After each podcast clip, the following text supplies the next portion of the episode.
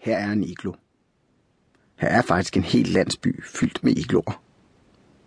I igloerne bor der isbjørne, og i byens mindste iglo bor Tofte. Tofte er en brun bjørn. Han er den eneste brune bjørn i den lille by. I den lille by er der en skole, en købmand, en bager, en radiosmed, en kirke, en café, en bank og en lang u. Der er også en telefonboks. Den ringer Tofte fra, når han skal snakke med sin mor. Hun bor i en anden by.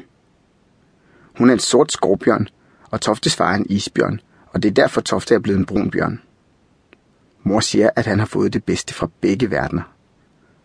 Tofte forstår ikke helt, hvad hun mener. En dag i skolen siger lærerinden, at de skal lære noget om de varme lande. Hun hedder Asta, og alle bjørneungerne synes, at hun er sød. Hun siger, at der kun bor brune bjørne og sorte bjørne i de varme lande.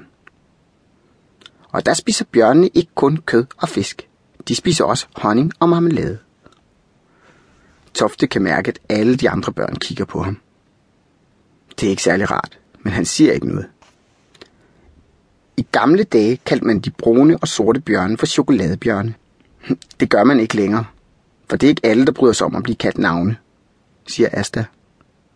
Derfor er det en god idé at spørge, om det er okay, inden man gør det. Hvad med dig, Tofte? Hvad vil du helst kaldes? Bare kald mig Tofte, siger Tofte. Og så griner alle de andre bjørne. Efter timen kommer Storebo hen og spørger Tofte, om han har smagt honning. Det har han. Hans mor kan lave det selv. Det smager som solskin og små krystaller på indlandsisen.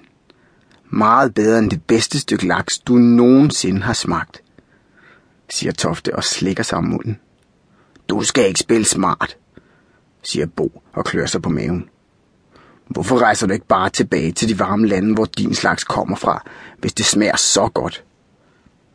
Jamen, jeg er jo fra den lille by, siger Tofte. Jeg har aldrig været i de varme lande. Hvad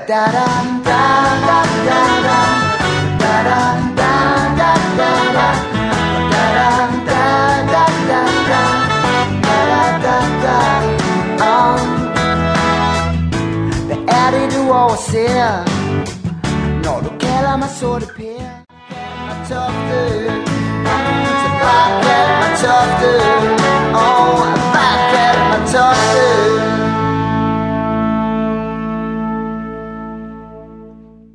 Da Tofte kommer hjem, siger han til sin far, at han gerne vil ringe til mor. Og så går de sammen over gaden til telefonboksen. Mor siger, at næste gang Tofte kommer, så kan de spise honning og marmelade med. Hmm, måske, siger Tofte bare. Kapitel 2 Skål i kakao Toftes far er en stor, stærk isbjørn. Han har et kraftigt, flot skæg, blå arbejdsbukser og en smart kasket. Alle i den lille by synes, at han er en god bjørn. Toftes far er arbejdsløs. Det er der mange i byen, som er. Den store fabrik lukkede for et år siden. Det betyder, at næsten alle i den lille by mistede deres arbejde. Nu sidder Toftes far på byens café og drikker øl med alle de bjørn, som han plejede at arbejde sammen med. Tofte kan godt lide at være på caféen. Folk er altid glade, og Tofte får kakaomælk, mens far drikker sin øl. Men en dag bliver lille Leif så syg, at far og nogle andre må bære ham hjem. Hvorfor blev han syg, far? spørger Tofte. Han har drukket alt for meget, siger far. Det kan godt være farligt. Bagefter spørger far. Vil du have en ekstra kakaomælk i dag? Tofte siger nej tak. Han har allerede drukket ret meget kakao. Hvorfor bliver han kaldt Lille Leif, når han er den allertykkeste af alle bjørnene på caféen? spørger Tofte så. Far griner og siger, at det er bjørnehumor, og ikke noget, man skal tænke for meget over. En gang imellem spiser de også på caféen.